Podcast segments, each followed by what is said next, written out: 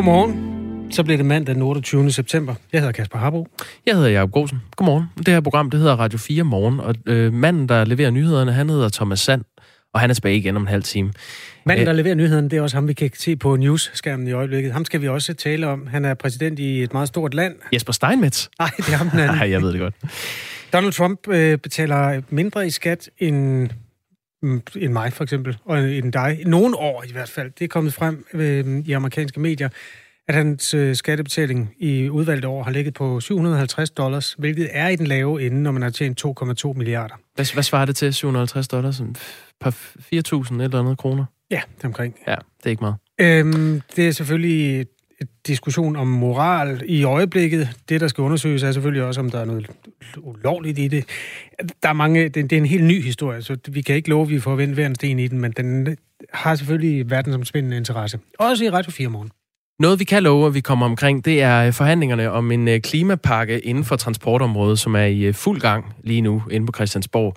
Klimarådet har anbefalet, at der skal være 1 million elbiler på vejene om 10 år, for at Danmark når et mål om 70% CO2-reduktion. Men regeringen har kun lagt op til halvt så mange, altså en halv million elbiler på vejene om 10 år. Betyder det noget? Det skal vi tale med Klimarådets formand om om en halv time. Og lige bagefter skal vi tale med Socialdemokratisk øh, klimaoverfører. De er nemlig øh, gået til de her forhandlinger med den her målsætning om en halv million øh, elbiler, og det er altså halvdelen af, hvad Klimarådet anbefaler.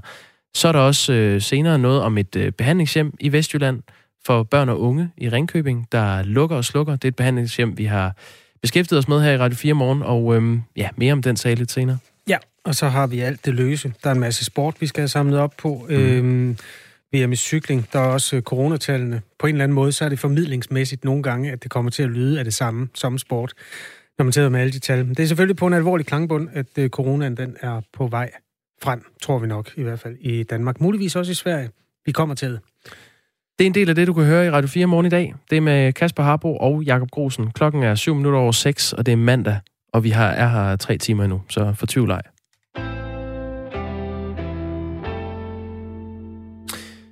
322 kvinder i dansk politik har i weekenden sendt et øh, samlet opråb om øh, udbredt sexisme og krænkelser i de danske partier på Christiansborg. Og det er, øh, der er blevet samlet 79 beretninger om sexisme. Det lyder blandt andet sådan her. En blandt os blev til et politisk landsmøde spurgt af et mandligt medlem, om den korte kjole var et tegn på, at hun gerne ville knæppes af ham senere. Eller, endnu en oplevelse her, en blandt os fortalte om grænseoverskridende adfærd fra en ledende ansat til et ledende folketingsmedlem og fik af medlemmet at vide, at sådan er han bare. Han kan godt lide unge kvinder. Og her kommer endnu en. En blandt os har oplevet til et stort arrangement at blive taget på, hver gang ryggen blev vendt til, samt kommentarer om, at hendes numse var for stor til, at det kunne undgås. Når hun prøvede at sige fra, fik hun at vide, at hun bare måtte gå, hvis hun ikke var frisk nok. Citat slut. Godmorgen, Astrid Aller. Godmorgen medlem af borgerrepræsentationen i Københavns Kommune for SF. Du er en af de her øh, 322 kvinder i dansk politik, der har øh, skrevet under. Du har også bidraget med to af dine egne øh, beretninger om sexisme til de i alt 79 oplevelser, som bliver beskrevet. Vil du ikke starte med at fortælle, hvad du har oplevet? Jo, altså jeg vil på mange måder sige, at jeg er sluppet billigt i forhold til mange af de historier, der, der ligger øh, på den her meget voldsomme liste. Øhm, da jeg var helt nyvalgt øh, og på vej til topmødet i kommunernes landsforening, der var jeg lige kommet ind ad døren, jeg havde mit, øh, mit skilt rundt om halsen, hvor der stod delegeret og sådan noget, og så var jeg i gang med at tage min flyverdragt af, øh, hvor der så er en, en mand, jeg simpelthen ikke kender, der siger øh, sådan noget i retningen af, øh, Nå, har de også bestilt stripper til underholdning i aften? Øh, helt klart henvendt til mig. Øh, og jeg bliver selvfølgelig rimelig paf, og, og han er bare væk da jeg vender mig om, ikke? Øhm, og jeg endte så med faktisk at gå op på talerstolen og sige fra over for det, fordi det er lidt de der, altså nogle af de der ansigtsløse øh, sexistiske bemærkninger er enormt svære at sige fra over for, fordi man kan ikke nå det, før, øh, før de ligesom har stukket hovedet væk igen. De bliver ligesom ikke for, for at få sagt nej. men, men du fik trods alt lige sådan samlet tankerne og, og besluttet dig for at, at sige fra på talerstolen. Øh, hvordan fandt du øh, det mod, eller hvordan tog du den beslutning? Øh, det var helt klart afgjort af de kolleger, jeg har i borgerrepræsentationen, som bakkede mig op. Altså der var øh, kvinder både fra Venstre og fra øh, kan man sige, min egen øh, ende af fløjen, der sagde, øh, vi bakker dig fuldstændig op, hvis du går op på den talerstol. Øh, og det, det var helt afgørende, da jeg stod derop, fordi da jeg fortæller om min oplevelse, så bryder der latter ud i salen. Øh, fordi det simpelthen er så komisk for folk, at, øh, at det kunne være noget som helst, der gik mig noget på. Øh, så det betød, det betød rigtig meget, at der, at der lige havde stået øh, en venstre kvinde og en radikal og en SF'er og sagt, for helvede man, gå derop og, øh, og sige til dem, hvad det er, der foregår lige under deres næsetid. Men Astrid eller vil du prøve at forklare det, hvorfor det var så alvorligt for dig? Fordi det kan jo være, at han har troet, han var sjov, for eksempel. Da du står og tager tøjet af, så siger han, når der er en striber. Øhm, altså, han kan jo have ment det som en, i hans op, altså, optik, uskyldig vits. Vil du prøve at forklare, hvorfor det var grænseoverskridende for dig? Ja, meget gerne. Fordi det var jo ikke fordi, at jeg følte, at min krop var blevet besudlet, eller på den måde øh, havde en voldsom oplevelse. Men det er mere den her oplevelse af at vide, at ens kolleger tænker sådan om en. At øh, før jeg overhovedet træder ind i borgerrepræsentationen, så er jeg blevet advaret om, øh, hvad er det, jeg skal gøre, hvis jeg oplever øh, chikane, eller at der er nogen, der tager på mig. Øh, har fået besked på af kvindelige politikere, der i, i rigtig sådan, øh, positiv mening fortæller mig, at jeg bør overveje, hvad for noget tøj jeg går i, når jeg er på arbejde. Fordi ellers bliver jeg ikke taget seriøst. Det er hele den her viden om, at, at jeg agerer inden for et system, hvor, hvor jeg konstant skal passe på, at jeg ikke bliver set som noget seksuelt. Øh, og det er grænseoverskridende. Og når der så engang er nogen, der siger det, så tænker man, okay, men hvad med de 100, der ikke sagde noget, men som bare går og tænker om og sådan der. Øh, så det er ikke i sig selv grænseoverskridende, som sådan, at der er en enkelt mand, der siger det her. Det er det, at han øh, ser en person, han burde se som en kollega, og tænker på mig som en, der burde der kunne være striber. Det er altså en af de oplevelser, du har bidraget med, og der, der er to, øh, du har øh, øh, budt ind med. Den anden, synes jeg, lyder endnu mere grænseoverskridende. Det er noget med, at du er blevet spurgt, om du spiste sæd til morgenmad. Hvad er det for en historie? Ja, det var, det var meget, meget mærkeligt. Jo, men vi står, vi står og snakker til sådan et øh, socialt arrangement, og, øh, og der er så en, en kollega fra et andet parti, der øh, spørger mig, om jeg har en tilfreds kæreste. Og det forstår jeg ikke, hvad han mener med, så jeg spørger ligesom ind til det. Øh, og så siger han, jamen øh, spiser du sæd til morgenmad? Altså underforstået, om jeg tilfredsstiller min kæreste øh, dagligt ved at give ham blowjobs. Øh, hvilket er en... Øh, igen sådan en ting, hvor man siger, det er jo ikke, det er jo ikke et overgreb på mig, men det siger virkelig noget om, hvordan du ser mig, når vi står over for hinanden. Øh, at det er simpelthen det, du tænker på, at du overhovedet tænker, at den omgangsform er acceptabel. Astrid, eller vi taler jo med dig, fordi du har øh, budt ind med nogle øh, øh, oplevelser af sexisme i dansk øh, politik, og det er altså i det her opråb, som øh, 322 kvinder i dansk politik har skrevet under på, øh, der skal det være slut nu. Partierne må en gang for alle erkende problemet og skride til handling, øh, skriver i det her opråb. Hvorfor har du valgt at gå med i det? Jamen det har jeg, fordi vi har haft altså de debatter, der, der er om, øh, om sexisme og chikane og krænkelser på arbejdspladser, de har været drøbvise indtil videre. Det har været en enkelt sag og en enkelt sag og en enkelt sag. Og der synes jeg i alt for høj grad, at pressen har kigget ind på den enkelte person og sagt, hvad kunne du have gjort for at undgå det? Hvordan kunne du bedre have sagt fra? Og det vi havde brug for at vise her, det var, det her det er, det er et helt system. Det er, det er fuldstændig øh, normaliseret det er almindeligt, at man som kvindelig politiker har de her oplevelser. Øh, jeg, kan ikke, jeg kan ikke tælle på fingrene, hvor mange historier jeg havde hørt, før jeg overhovedet stillede op til et valg. Øh, og, og vi vil rigtig gerne have, at vi nu kan komme videre fra spørgsmålet, om der findes sexisme, og om det påvirker os, til hvad vi skal gøre, og hvorfor det sker i så høj grad. Og det er en debat, vi skal have på alle arbejdspladser i Danmark. Øh, så der synes jeg ikke, at politik er, er jamen, enestående, men det er der, hvor jeg kan bidrage med noget. Man kunne også øh, argumentere for, at det vil være gunstigt at pege dem ud, der udøver den der, altså i stedet for at pege på et system, så pege på de mennesker, der gør det et af gangen, så man kan få taget, hvad skal man sige, et opgør med de mennesker, der udfører de ting der. Hvorfor sætter du ikke navne på, hvem det er, der har gjort det over for dig? Jo, den ene har jeg jo så ikke engang navnet på, kan man sige. Så den anden? Men det er fordi, jeg synes, at det, der har manglet indtil videre, det, og det du jo også kan læse ud af de her historier, det er, at rigtig mange af de her kvinder, de har haft det meldt Øh, de har haft sagt det videre til øh, ledende medlemmer, øh, men er blevet affejret. Mm. Og det er der, hvor vi har et problem, hvis man som øh, kvindeligt medlem, eller bare som medlem, der har de her oplevelser, ikke bliver taget seriøst af sin partitop. Og det er jo det, vi råber op om. Men hvad så med at både sige navnet på den, der krænkede din, hvad skal man sige, din, eller overskred dine grænser? Både sige det navn, og så sige navnet på den partitop, der ikke tog det seriøst. Så kan man få det hele ud i lyset. Jamen, det, det har jeg ikke lyst til, fordi jeg synes i virkeligheden ikke, det handler om den enkelte person. Det handler om, hvor ekstremt normaliseret det er. Hvordan det kan ske, at det er så almindeligt, som det er. Øh, og noget af det, det handler altså også om kultur. Man kan sige, noget af det, øh, noget af det, jeg har oplevet, det er jo i den, i den milde kategori, hvor det, hvor det er den omgangsform, der er. Og øh, der er helt reelt nogle mennesker, der tror, at det er en ok måde at tale sammen på. Og det er en kultur, vi må ændre løbende ved ligesom at sige, det der det er ikke i orden. Og det sagde jeg også til ham i situationen. Og han forsøgte ihærdigt at trække land, og på den måde, det er jo helt fint. Det var afklaret. Men jeg synes, det var vigtigt at få historien frem i den her situation, fordi den er bare et, den er bare et billede på, hvor mange af de her oplevelser, vi har. Astrid, eller du... Jeg synes ikke, at det er relevant for, for radioen at høre navne på tilfældige mennesker, som har det er bare, Jo, men det vil være relevant, fordi så tror man jo, at det er dem alle sammen, når man kigger ud over Københavns uh. borgerrepræsentation, så, så mistænker jeg alle de mænd, jeg ser i billedet. Og det er derfor, jeg synes, øh, det kunne være rart at vide, hvem der ikke har gjort det. Uh. Du, du kan være helt rolig. Langt de fleste har jo ikke gjort noget. Øh, og, og jeg tror også på mange måder, at Københavns borgerrepræsentation er et af de steder, hvor vi har haft nogle diskussioner om det her i de senere år.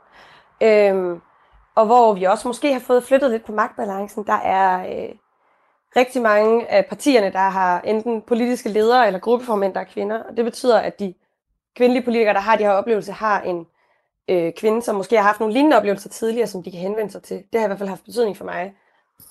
Lige kort her til sidst, øh, Astrid Aller, altså medlem af borgerrepræsentationen i København for, for SF. Du skriver på Twitter, at øh, Inger Støjberg og alle andre, der forsøger at få det her til at handle om fløt, skal klappe i. Øhm, vil du ikke kort her til sidst øh, lige fortælle, hvorfor de skal klappe i?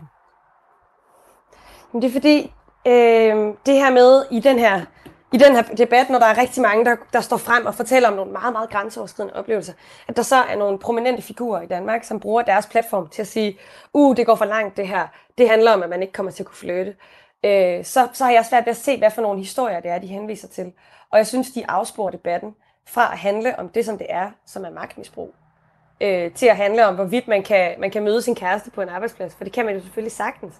Men, men det er jo ikke at vise... Øh, reel interesse for mig at antyde, at jeg kunne være stripper, eller reel interesse for nogen øh, at stikke din, øh, stikke en finger op i skrevet på dem til et landsmøde, som der også er en af beretningerne, der er. Mm. Så jeg tror slet ikke, man skal tænke, at flirten er i fare.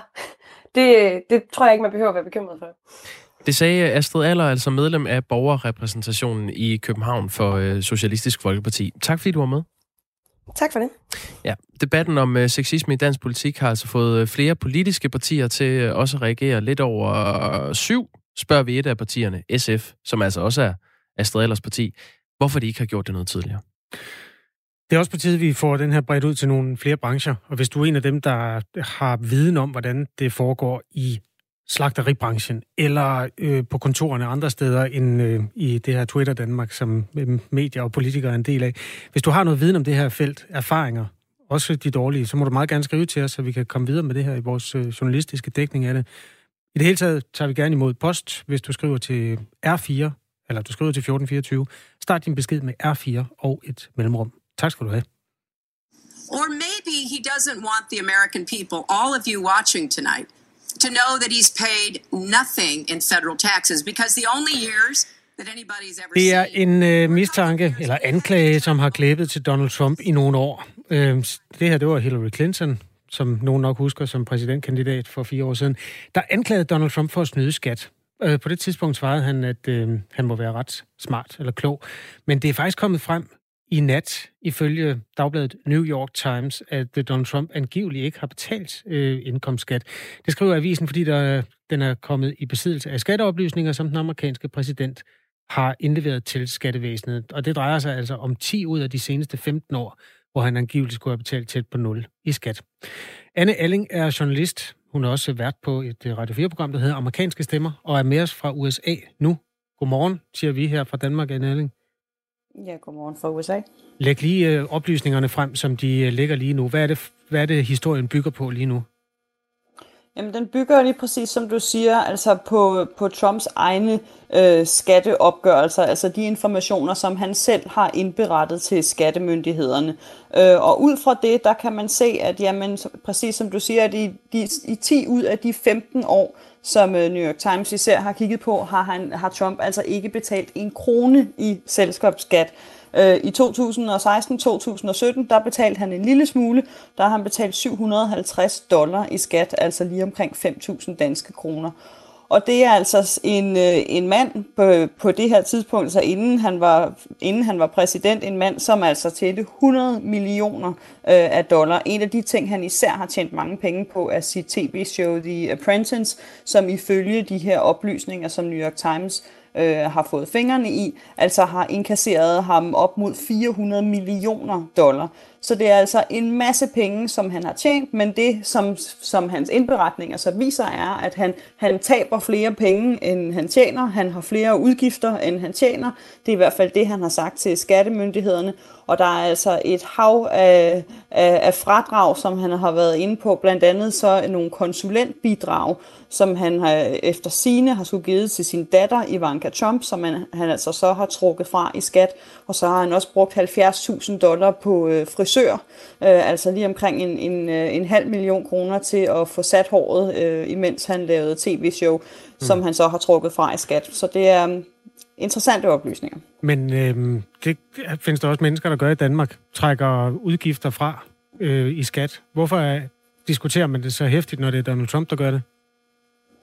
Det er jo fordi, at det er spørgsmålet om, hvad det er, han har, hvad det er, han har, har trukket fra i skat, og så også om det, altså, hvorvidt det passer, at han har de her enorme tab. Trump han øh, har jo øh, mange, mange forskellige forretninger, casinoer, øh, hoteller, tv-shows, nogle af dem har så haft store tab, som han så har ført over i andre firmaer, for at selvom han så har tjent penge på dem, ikke har skulle betale skat af det. Så det er det, som, øh, som, som New York Times prøver at undersøge, men det er altså også noget, som skattemyndighederne selv i lang tid har været ved at undersøge. De har nu i 10 år haft gang i en revision af et, øh, hvad hedder det, en tilbagebetaling, Trump han fik i skat på 73 millioner kroner, som de altså meget, meget længe har været ved at kigge på, og om det kan være rigtigt. Så, så det handler ligesom om, om, der, om, han, har, om han har bogholdt øh, rigtigt, om han virkelig har mm. kunne trække alle de her penge fra i skat. Det, som er lagt frem, er altså forløbig, at han ikke har betalt ret meget. Er det lovligt eller ulovligt, efter de oplysninger, der er fremme nu?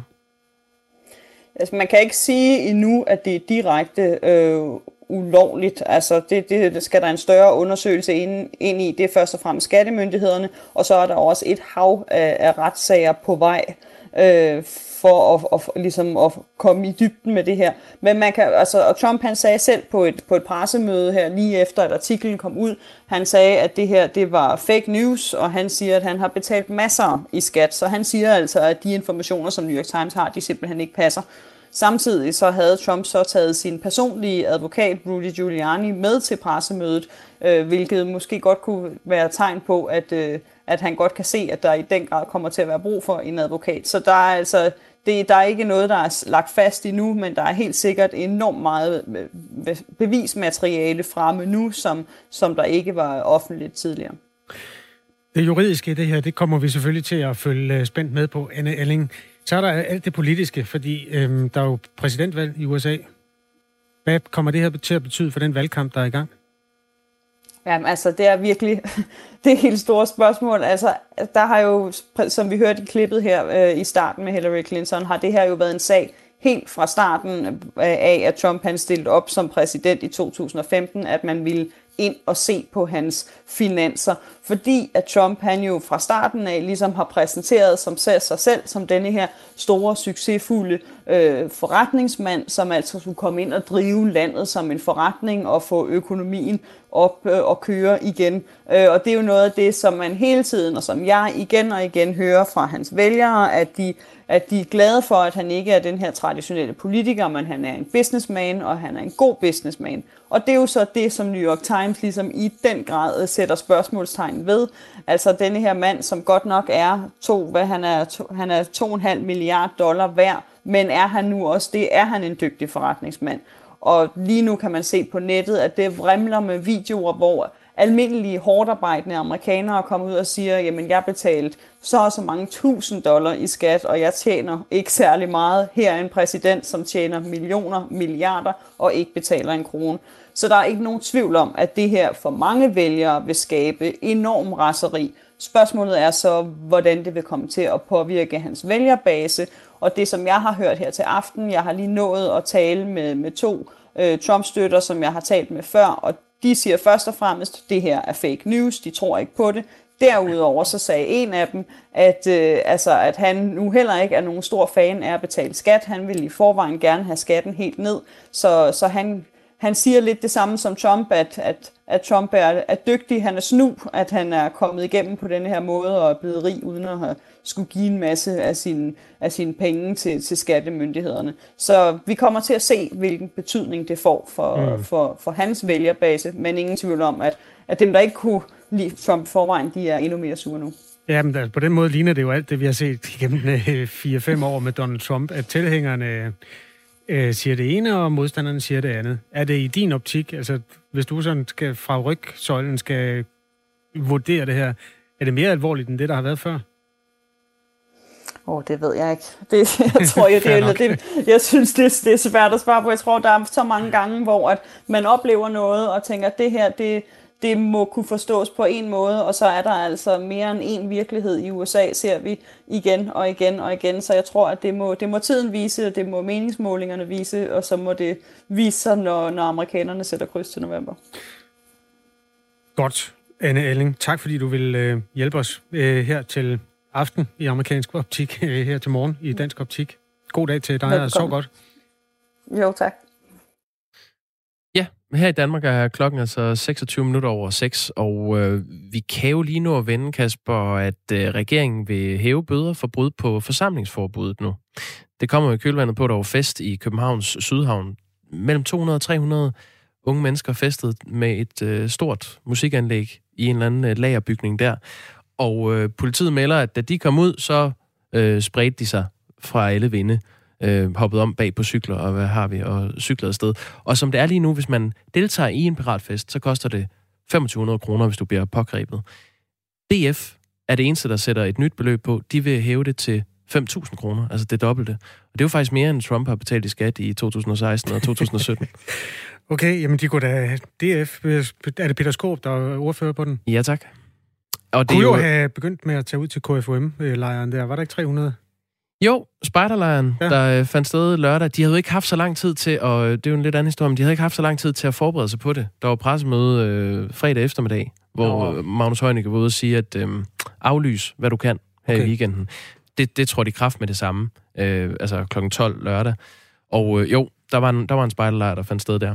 Men øh, det kan altså koste 5.000 kroner, øh, hvis det står til Dansk Folkeparti. Det ser ud som om, alle partier er enige om, at det her det skal skærpes. Enhedslisten, SF, øh, Venstre, regeringen selv, alle vil gerne øh, give højere bøder, så man får øh, kommet de der piratfester til livs. Okay, Jamen, mm. vi tager lige spejderlejren ud af ligningen, fordi det er måske heller ikke helt retfærdigt, fordi øh, KFM havde fået det, tilladelsen af det lokale politi, så den skal jeg ikke blande ind i det der. Øh, jeg er lidt nysgerrig på, altså forsamlingsforbud, det hedder 50, mm. eller det er begrænsning, det er maksimum, ikke? Jo. Hvordan kan man vide, om man er festdeltager nummer 49, der ankommer, eller 51? Og i givet fald, hvis du er nummer 49, der ankommer, og så nummer 51 kommer to minutter efter, er det så alle deltagere i festen, der får en bøde på 2500? Der virker de første 50 jo lidt uskyldige. Forstår du min... Øh... Det tror jeg faktisk, det, det er egentlig en meget god øh, lille hjernevrider. Det tror jeg vil give en bøde til alle, ja. I så der kan du virkelig ødelægge det for mange. Ja, okay. Hvis du kommer der feststemt som nummer 51. Det skal øhm, du lade være med. Øhm, ja, øh, og, og der er jo også et tidspunkt, altså under alle omstændigheder, så lukker festen 22.00. Er det, er det rigtigt forstået? Ja, men mindre det foregår på et hotel i Odense her i weekenden. Der var en bryllupsfest, der blev lukket. Jeg tror, det var lidt i et. Øh, og der var også en, en bodega, hvor ejeren sad med tre øh, gode venner og drak lidt og fik også en bøde. Godt. Jamen, øh, det er, øh, der er mange gråzoner i det her, og der er mange øh, mennesker, der synes, det er noget pjat, der er også mange mennesker, der synes, at bøderne skal sættes op. Det, lad bare øh, synspunkterne havle ind i vores sms-boks. Vi kan bære det. Øh, du skriver R4 først, og et mellemrum og en besked, og sender den til 1424. Ja, på den anden side, der skal vi øh, blandt andet omkring øh, behandlingshjemmet Schuberts Minde, som ligger i Ringkøbing, Vestjylland, som lukker. Det er et øh, behandlingshjem for udfordrede børn i alderen 6-17 år, vi har beskæftiget os med før her i Radio 4 morgen. Det nye er, at de drejer nøglen om. Nu er der nyheder. Klokken er halv syv.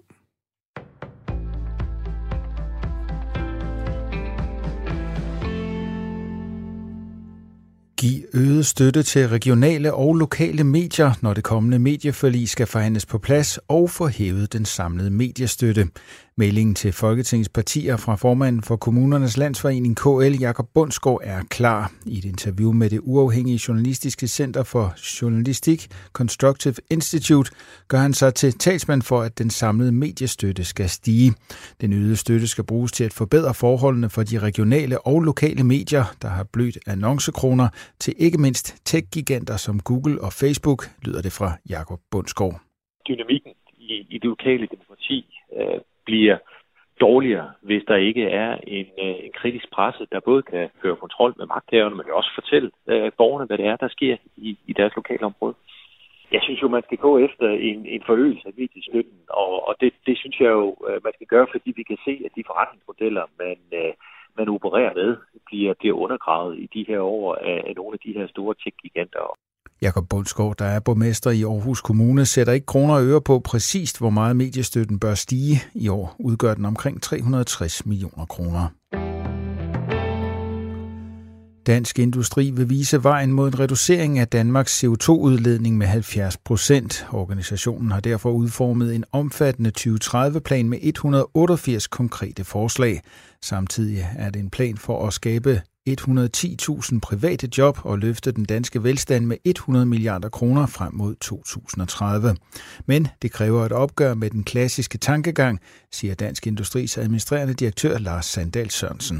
Det, der er det interessante, det er jo, at det faktisk er muligt at gøre det. Altså faktisk er muligt at nå vores store klimaambitioner og have et velstående samfund, også på tværs, så øh, på tværs af indkomstgrupper.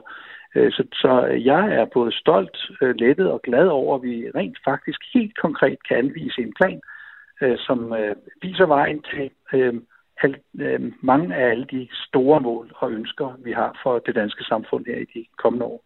De 188 forslag berører mange forskellige områder af samfundet. Det gælder eksempelvis reduktion af CO2-udledning, arbejdsmarkedet efter coronakrisen samt effektiv drift af den offentlige sektor.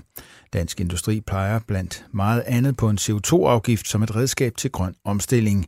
Blandt de 188 forslag er også et øget arbejdsudbud på 75.000 fuldtidspersoner samt et nyt SU-system, som skal understøtte incitamenter til at vælge uddannelser med gode jobmuligheder.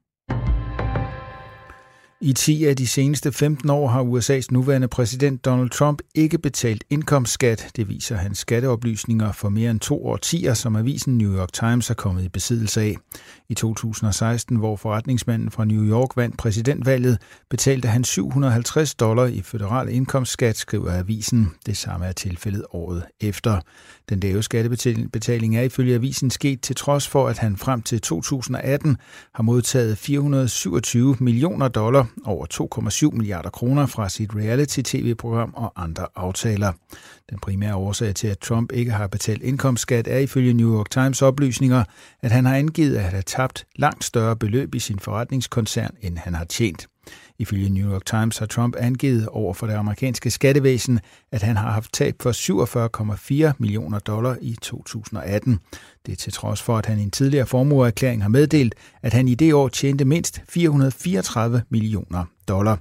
Avisen understreger, at de dokumenter, den er i besiddelse af, er Trumps egne indberetninger til skattevæsenet om sine virksomhedsaktiviteter og ikke skattevæsenets endelige vurdering. Præsidenten selv betegner artiklen i New York Times som fake news.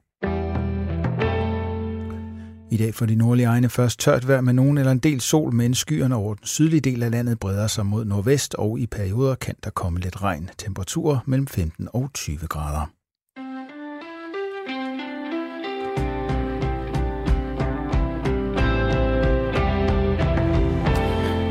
Morgenholdet her på Radio 4 Morgen tæller nyhedsvært Thomas Sand.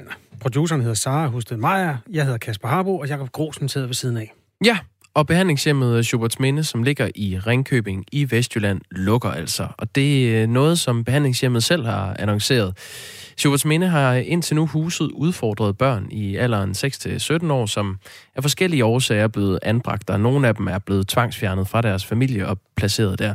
Men som vi har fortalt her i Radio 4 morgen tidligere, så har Schuberts Minde på det seneste været centrum for kritik Særligt efter, at en video optaget af en ung, som har boet på behandlingshjemmet i slutningen af juli, blev delt på øh, sociale medier. I den her video, der kan man høre en pædagog overfuse et af bostedets børn, og det lyder sådan her. Synes du, det her det er fucking sjovt? Hvad? Synes du, det er sjovt? Du skal kraftedeme ikke grine mig! Gå ind i stuen! Hvad er der mere deroppe? Du skal kraftedeme deroppe! Du skal jo ikke noget mig mere! Nej, fordi du forstyrrer de andre! Du ødelægger deres andre ferie! Gå ind i dit telt, eller gå ind i stuen! Nej! Jo! Det her det er en video, der er optaget på indersiden af en teltdu, og det er derfor, at lydkvaliteten er sådan lidt øh, håndholdt, fordi det, det er den. Øhm, men det, der bliver sagt, er, synes du, det her det er fucking sjovt? Hvad synes du, det er sjovt? Du skal kraftede med grine af mig, øh, råber pædagogen af barnet, som øh, siger, nu skal du altså lade mig være. Og så råber pædagogen, øh, nej, for du forstyrrer de andre, du ødelægger deres sommerferie, gå ind i dit telt eller gå ind i stuen. Og det svarer barnet så nej til. Og den her video var en af årsagerne til, at øh, Social Tilsyn Midt, som fører kontrol med, øh, at bostedet Tuberts Minde lever op til sine øh, pædagogiske forpligtelser over for børnene, valgte at undersøge forholdene på bostedet nærmere. Og derfor har Socialtilsynet over de seneste måneder været på både anmeldt og uanmeldt øh, besøg på stedet. De har tidligere oplyst til os i øh, Socialtilsyn Midt øhm, her på Radio 4, at tilsynet også har været i besiddelse af dokumentation af andre episoder end, end den her video, som har vist problematiske pædagogiske metoder på det her behandlingshjem. Men før Socialtilsynet altså har truffet en endelig afgørelse om Schuberts Mindes fremtid, om hjemmet skal sanktioneres eller ej, så har Schuberts Mindes bestyrelse altså nu valgt helt at lukke stedet. Her i øh, Radio 4 Morgen, der har vi tidligere talt med to piger, som har boet på behandlingshjemmet for nylig. Og en af dem er 14-årige Jasmin Rasmussen. Det er faktisk hende, der har optaget den video, vi spillede lidt lyd fra før. Øh, efter den episode valgte Jasmin Rasmussen at pakke sine ting og stikke af fra Schuberts Minde, selvom hun var anbragt der og ikke måtte øh, gå derfra. Vi kan lige høre en lille bid af vores snak med Jasmin Rasmussen. Hun fortæller, hvordan hun oplevede, øh, at det var at bo på Schuberts Minde de voksne de begyndte at råbe af os. Det, det kunne jeg ikke lide, og så blev det faktisk bare et helvede til sidst. Hvad mener du, når du siger, at det blev et helvede til sidst?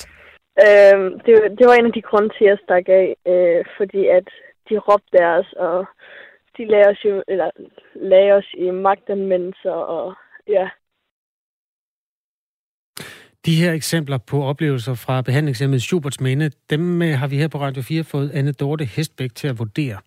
Hun er seniorforsker ved VIVE, det Nationale Forsknings- og Analysecenter for Velfærd, og øh, hun beskæftiger sig med de danske kommuners indsat over for udsatte børn. Hun siger sådan her. På baggrund af det, jeg har hørt, og det er det eneste, jeg kender til sagen, kan man sige, så får jeg jo et billede af, at man har en, øh, en nedladende og ydmygende adfærd over for de unge. Det er formentlig på ingen måde hensigtsmæssigt, men tværtimod bidrager det til at begrænse udviklingen i de unges trivsel. Og når man siger, det bliver særligt grotesk set i lyset af, at det er jo en behandlingsinstitution, hvor vi for offentlige midler forsøger at tage vare på de allermest sårbare børn og unge. Så hvis man ikke der kan regne med, at de får en kvalificeret behandling, der hjælper dem videre, så bliver det rigtig svært at tro på, at behandlingssystemet har en god effekt.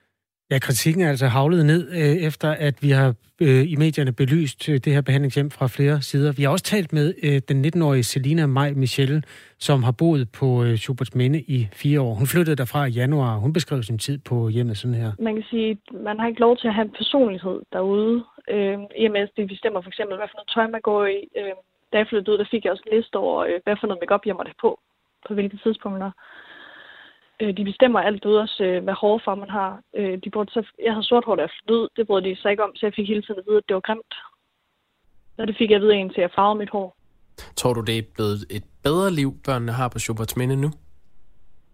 Nej, det tror jeg ikke. Ja, det var Selina Maja Michelle på 19 år, som vi talte med øh, tidligere her i Radio 4 Morgen, som fortalte om sin tid på Schuberts Minde. Om en øh, lille time skal vi uh, tale med bestyrelsesmedlem og talsmand for det her nu snart lukkede uh, behandlingshjem Schuberts Minde. Han hedder Claus Christensen, og vi skal spørge ham, hvad der er årsagen til, at de nu har valgt at lukke Schuberts Minde, fordi de har tidligere ellers fastholdt over for os på Schuberts Minde, at, at der var gang i en god udvikling på det her behandlingshjem. Bestyrelsen bag øh, Schuberts Minde har nu planer om at starte forfra og lave, øh, citat, det bedste botilbud, citat slut, i Danmark. Men kan det lade sig gøre? Eller vil kritikken af Schuberts Minde øh, følge med? Det er altså spørgsmål, vi stiller efter nyhederne klokken halv otte. For nu er klokken 20 minutter i syv.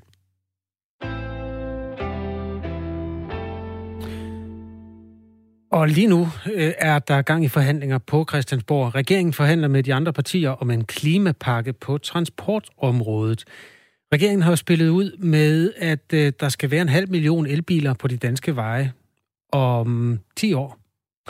Klimarådet har ellers lagt op til det dobbelte. Det hele handler om at opnå den der famøse reduktion i, hvor meget CO2 vi lukker ud her i Danmark. Og det er jo noget, som regeringen juridisk har bundet sig til at gøre gennem klimaloven. Peter Mølgaard er formand for Klimarådet, som jo altså blev sat i verden for at rådgive regeringen i klimaspørgsmålet. Godmorgen, Peter Mølgaard. Godmorgen. I anbefalede 1 million elbiler om 10 år. Regeringen spiller ud med det halve. Hvordan opfatter du det? Altså, Klimarådet har jo regnet på, hvor, hvor mange reduktioner pensionstransporten skal bidrage med.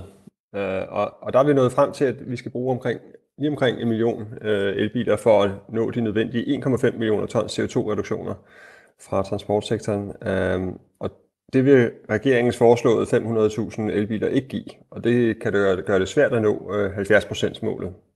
Hvor mange er der i dag? Ved du det? Uh, elbiler? Mm. Ja, vi taler, jeg kan ikke huske tallet i, i hovedet, men vi taler i, øh, altså et, et, øh, vi taler måske 20.000 eller noget af den dur. Okay, der er langt op til millionen, så en ting er, at det måske ikke er ambitiøst at, at sige en halv million, men er det realistisk at sige en million? Jamen det mener vi jo, det er. For, for at nå 70%-målet, som vi har skrevet ind i, i, øh, i klimaloven, øh, med et bredt flertal i Folketinget, så har øh, Klimarådet anbefalet, at personbilerne skal bidrage med, med, med de her 1,5 millioner ton CO2 i, i 2030. Og det kan man gøre ved at øh, indfase elbiler på, som et alternativ til fossile biler. Og det kræver bare, at man giver dem et markant skub øh, her og nu i form af kontante tilskud til nye elbiler. Og der kan man sige, at regeringens udspil finder vi ikke giver de tilstrækkelige signaler til bilkøberne om, at det er sikkert at investere i elbiler. Øh, og det kræver, at vi finder øh, reduc- øh, hvad hedder det, reduktionerne for, hvad hedder det, øh, drivhusgasemissionerne i andre sektorer, hvor vi i forvejen også har taget de billige løsninger i brug for at nå øh, 2030-målet. Så derfor kan det kun øh, gå hen og blive dyrere og sværere at nå 2030-målet. Vi taler altså med Peter Mølgaard, som er formand for Klimarådet i anledning af de forhandlinger, der foregår på Christiansborg netop nu om en klimapakke på transportområdet. Og regeringen spiller altså ud med noget, der vil munde ud i, hvis det lykkes, 500.000 elbiler på danske veje om 10 år. Og det er jo altså også 2030 årstallet, som er øh, Øh, skæringsdato for den der 70 procent nedbringelse af, hvor meget CO2, der bliver lukket ud fra Danmark. Øhm, der har jo været forskellige, Peter Mølgaard, forskellige anbefalinger fremme om, hvad der er det rigtige tal, antal af biler om 10 år. Også 3 kvart million for eksempel. Hvorfor er det, at man skal helt op og ramme en million for at øh, kunne lykkes med det her? Jamen det er jo fordi, at vi har lavet en beregning øh, i marts måned i år, hvor vi prøvede at se på, hvordan kan vi nå 70% målet. Og det, det var svært. Altså da vi, da vi lavede den beregning, så tænkte vi, at vi skal, have, vi skal have gang i alle dele af samfundet, og vi skal i gang nu for at kunne nå 70% målet i 2030. Der er kun 10 år til, og det kan ikke lyde, det lyder måske ikke af meget. Men, øh, men, men hvis vi skal have mobiliseret den her grønne omstilling, øh, så skal vi ud og finde Øh, reduktioner i alle sektorer. Og der har vi sådan fundet ud af, hvis vi skulle lægge et puslespil, hvad kan så øh, det, det, vil sige, det positive budskab fra vores rapport der i, øh, i marts måned, det var jo i virkeligheden, at det kan lade sig gøre. Men når vi siger, at det kan lade sig gøre, så er det både med eksisterende teknologier herunder elbiler, og nye teknologier, øh, som vi skal have masseret ind øh, i løbet af 10 år. Og der er det, vi altså øh, er nødt til at finde fra alle sektorer øh, reduktioner. Hvis man ikke finder dem for eksempel ikke på elbilerne eller i transportsektoren, så skal vi finde dem andre steder. Og der, der er det altså, det puslespil, øh, vi kiggede ind i, det var altså ikke et nemt puslespil at få til at gå op. Så hvis man skal nå 70%-målet i 2030, så, skal man, så, så er det vores vurdering, at vi skal bruge 1,5 millioner tons CO2-ekvivalenter fra transportsektoren, eller fra, fra elbilerne. Og, mm. og kan vi ikke det, så skal vi altså, så, så er man nødt til at vise, vise en anden vej. Bare lige for at skære det helt ud i pap. Hvis man holder det fast på, at der kun kommer en halv og ikke en hel million elbiler om 10 år, hvor realistisk er det så, at man når det klimamål, man har sat? Jamen, vi synes jo, at det er et, er et godt bidrag fra, fra elbilerne med en million øh, elbiler. Øh, hvis man ikke gør det derfra, så, så det kan vi ikke vurdere endnu. Det skal vi vurdere til gengæld ifølge loven i februar. Og der er det, der, der er det vi skal vurdere, om den samlede pakke, som regeringen så har lagt frem, at øh, anskueliggør, at vi kan nå 70 procent i 2030. Det kan vi ikke øh, realistisk, og, og øh, det, kan vi ikke, det kan vi ikke vurdere i dag, fordi vi mangler at få andre elementer af den her pakke herunder landbrug og øhm, og, og grønne indkøb og andre ting, som regeringen fortsat øh, forhandler. Så, så derfor er det for tidligt at vurdere den samlede pakke, men det er klart, at det gør det ikke nemmere at nå den samlede pakke i vores optik, hvis vi kun har en halv million snarere end en million elbiler i 2030. Tak fordi du var med, Peter Mølgaard. Ja, så tak. Formand for Klimarådet og i øvrigt dekan ved Maastricht University School of Business and Economics. Ja, og vi springer direkte videre fra formanden for Klimarådet til regeringen. Godmorgen, Anne Paulin. Godmorgen. Klimaordfører hos øh, Socialdemokratiet. Lad os lige uh, få samlet op på, uh, på Peter Mølgaards uh, udtalelser her. Ja, Klimarådet har jo regnet på, hvor, hvor mange reduktioner pensionstransporten skal bidrage med. Uh, og, og der er vi nået frem til, at vi skal bruge omkring lige omkring en million øh, elbiler for at nå de nødvendige 1,5 millioner tons CO2-reduktioner fra transportsektoren. Øhm, og det vil regeringens foreslåede 500.000 elbiler ikke give, og det kan gøre, gøre det svært at nå øh, 70%-målet. Ja, det bliver svært at nå 70%-målet med kun en halv million øh, elbiler i 2030. Hvorfor lytter I ikke til Klimarådet? Jeg tror, det er vigtigt at øh, gøre sig klart, at der er jo ikke én måde, én enkelt opskrift som øh, skal til for, at man kan nå 70% målet. Der er flere veje til at nå det her mål. Der er flere måder, man kan gøre det på. Når vi har sat øh, vores ambition om øh, 500.000 grønne øh, biler i 2030 på det niveau, så er det fordi, at øh, det her med at lave en forceret indfasning af elbiler, det er et af de rigtig dyre øh, værktøjer. Et af de værktøjer, som har øh, det, der hedder en rigtig høj øh, CO2-skyggepris. Øhm, og derfor så er det altså, at øh, vi har valgt at lægge øh, ambitionsniveauet her, øh, fordi at der simpelthen også er mange andre tiltag, som øh, er væsentligt billigere, øh, som kan tages. Men øh, når Klimarådet siger, at det bliver svært at nå en øh, reduktion på 70 procent i 2030, når man vælger kun at, at skulle have 50.000 eller 500.000 undskyld elbiler på på vejene, øhm, gør det så indtryk på dig? Det gør altid indtryk på mig, når øh, Klimarådet siger noget, ligesom mange af de andre øh, vigtige aktører, som der er i den grønne omstilling. Så, så selvfølgelig gør det det, men jeg tror også, det er vigtigt at sige, at det er jo ikke øh, det eneste, som er i vores transportudspil, det her med øh, de, øh, de 500.000 øh, elbiler. Der er jo for eksempel også et... Øh, nyt øh, CO2-fortrængningskrav, som vi ønsker at, øh, at indføre, som jo betyder, at for de fossile biler, som der stadigvæk kører rundt, der mm. vil der komme krav om, at der skal blandes mere grønne øh, brændstoffer i tanken. Men nu siger Klimarådet, at det bliver svært at nå det her mål og, og få reduceret CO2-udledningen med 70 procent om 10 år, med, hvis man kun skal have en halv million elbiler på, på vejene. Så ved du noget, som Klimarådet ikke ved? Det de siger, det er jo også, at så skal der findes noget øh, andre steder, og det er jo det, som er øh, opgaven, og som er opgaven omkring hele klimaloven og vores øh, 70% mål. Det er jo, at vi øh, øh, løbende øh, skal anskueliggøre og komme nærmere præcis, hvordan det er, vi skal opnå det her. Hvad synes du om, om målet om, øh, om 500.000 elbiler på de danske veje? Det synes jeg er en, en rigtig god start, også fordi noget af det, vi jo også kan se, det er, at allerede i 2035, der vil der så være 1,2 millioner grønne biler med øh, de, de her ændringer i afgifterne, øh, som vi lægger op til. Så på den måde så er det jo også vigtigt at sige, at øh, der er jo også en øh, ret rivende udvikling inden for elbilsmarkedet, øh, så der kommer også til at ske øh, rigtig meget, øh, også i årene efter 2030. Men øh, det, der hedder Elbilskommissionen, har jo vurderet, at der uanset hvad vil være 400.000 danske elbiler på de danske veje om 10 år. Det vil altså sige, at I i regeringen med det her udspil kun øh, kommer til at skabe 100.000 nye elbiler om 10 år. Mener du stadig, at, øh, at det er et godt mål? Ja, det gør jeg, også fordi at øh, det jo også er et spørgsmål om, som jeg var inde i i starten, hvad er det for en CO2-skyggepris, som der også er på, øh, på den her indsats? Og der er det altså noget af det, som ligger i den meget dyre ende. Hvad, hvad Øh, mener du, når du siger t- CO2-skyggepris? Jamen, jeg mener simpelthen, hvor meget CO2-reduktion er det, man får for pengene. Og der kan man se, at der er mange andre tiltag, som for eksempel har en, øh, en væsentlig lavere øh, skyggepris. For eksempel sådan noget som udtagning af landbrugsjord og udskiftning af olie- og gasfyr osv. Det er nogle af de tiltag, som har en lavere skyggepris. Og, og der er, øh, kan man sige, en forseret elbilsudvikling. Det er noget i den dyre ende.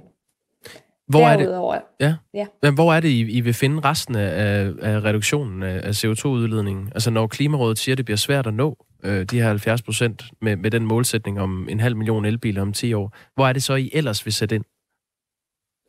Jamen det er jo øh, på mange af de andre områder også. Vi er heller ikke færdige med øh, transportsektoren. Der er også andre øh, indsatser, som skal ligges i transportsektoren.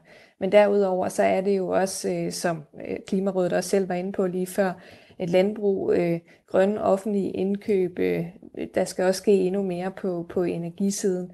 Øh, så der er andre muligheder øh, for også at finde reduktioner. Anne Paulin, øh, du er klimaordfører i Socialdemokratiet. Er du klogere på klimaet, end øh, Klimarådet er? Nej, det tror jeg ikke, jeg er. Men øh, som Klimarådet også selv øh, var inde på, så er der jo forskellige muligheder øh, for, hvordan man kan øh, opnå øh, det her. Klimarådet, de er kommet med deres bud, men der er jo også øh, andre aktører, som er kommet med, øh, med deres bud. Og nu kommer vi så med, øh, med vores forslag øh, omkring, hvad der skal ske på afgiftssystemssiden. øh, siden. Men det er jo heller ikke det eneste, som vi lægger op til med vores, øh, vores udspil. Mm. Vi lægger jo netop også op til det her for, fortrængningskrav. Vi har også et øh, EU-spor, hvor vi også øh, arbejder på at for alvor rykke øh, på, øh, på det europæiske marked, og på at vi kan få det her øh, stop for salg af nye øh, benzin- og dieselbiler fra, øh, fra 2030, som ikke er muligt i dag ifølge EU-retten. Men det er jo noget af det, som der også virkelig vil kunne gøre en stor forskel, hvis man kan øh, enes om i et af verdens allerstørste markeder og, øh, og hæve ambitionsniveauet på det her område. Det vil også være med til at fremme en markedsudvikling. Hvad, hvad er det for nogle, du nævnte nogle aktører. Hvad, hvad er det for nogle aktører? Jamen, der er jo, der er jo fremlagt øh, mange forskellige øh, planer og, og idéer til, hvordan man kan nå 70 øh, procents målsætningen. Øh, så altså, Klimarådet har jo, øh, har jo en, der er jo også mange af klimapartnerskaberne, som har øh, bidraget ind med, med deres visioner. Dansk Industri lavede en stor plan øh, sidste år. Så Mm. øh, min pointe var sådan set, at der er jo mange forskellige øh, veje til, at man kan opnå 70% målsætningen. Og spørgsmålet er ikke, om vi skal opnå den, men det er, hvordan vi gør det. Og der er det vigtigt for os, at vi gør det på en måde, som øh, er øh, økonomisk øh, smart, men også som er socialt retfærdig. Og derfor så er det også vigtigt for os, en vigtig prioritet, at det stadigvæk er muligt også for folk med de lidt mindre indkomster at, at have en bil, særligt for folk, som der også bor øh, i de områder, hvor, hvor bussen den ikke lige går hver 10. minut. Anne Pauline, øh, klimaordfører hos øh, Socialdemokratiet. Mens vi taler om dig, får vi nogle sms'er. Dem, øh, man kan jo skrive ind på 1424, begynde sin besked med R4, hvis man vil i kontakt med os herinde. Det er der mange, der gør. Øh, Blandt andet øh, Jens Bernburg, han skriver, jeg kan ikke rigtig blive klog på, om elbiler bliver dyrere til nytår eller billigere. Ja, men det er jo også et meget godt spørgsmål, og det kommer lidt an på, hvad det er for en elbil. De, de billigste elbiler, de bliver ikke øh, dyrere, øh, men de, de dyre elbiler, dem som er øh, sådan luksusbilklassen, øh, bilklassen, de bliver til gengæld dyrere, fordi at dem giver vi nogle enormt store afgiftsfritagelser i dag, og vi kan se, at det primært er øh, folk fra eliten, øh, og også øh, geografisk koncentreret om, om blandt andet det nordsjællandske område, som der køber de her store biler. Det er Tesla'erne, andre ord. Øh, de dyre, de, de Teslaer, som er i den dyre ende, men også sådan nogle, øh, og hvad hedder de, øh, øh, nej, jeg kan ikke lige huske, hvad de hedder, men, men der er også nogle, der er væsentligt dyrere end, øh, end Tesla'erne, som der også bliver solgt en del af. Benzin Paul skriver, jeg vil fandme ikke betale for, at andre kan få tilskud til dyre elbiler, når jeg selv må køre en gammel, men god Toyota. Så jeg tror, Benzin Paul er, er glad for det tiltag. Anne Paulin, lad os øh, vende tilbage til, hvad det her øh, interview egentlig handlede om. Klimarådet siger, at det bliver svært at nå øh, en 70% reduktion om 10 år, med kun en øh, halv million elbiler på vejene om, om 10 år. Du mener, at du ved bedre end Klimarådet?